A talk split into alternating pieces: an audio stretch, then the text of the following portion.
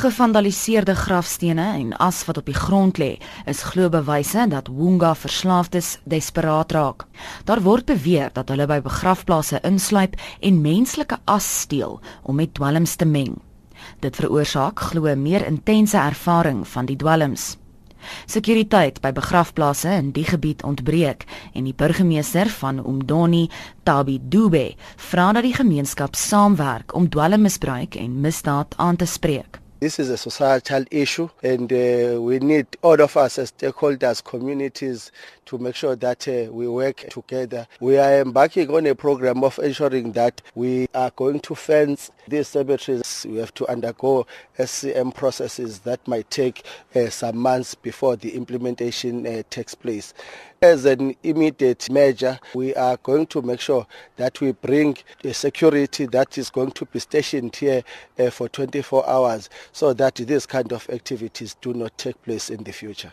Intussen sê 'n inwoner, Lindelani Shazi, die munisipaliteit moet ingryp. Hy sê misdadigers moet vervolg word sodat die dooies gerespekteer kan word. They sit on this bench under this tree and smoke. They call other their friends and move down to the cemetery and take ashes. The municipality should take actions and lay criminal charges against them. They must be arrested as this is destruction. Die ALR vir gesondheid in KwaZulu-Natal, Dr Sibongiseni Dlomu, sê dwelmmisbruik beïnvloed mense se gedrag. Worse when you're addicted to a drug because it has something that it does to your brain.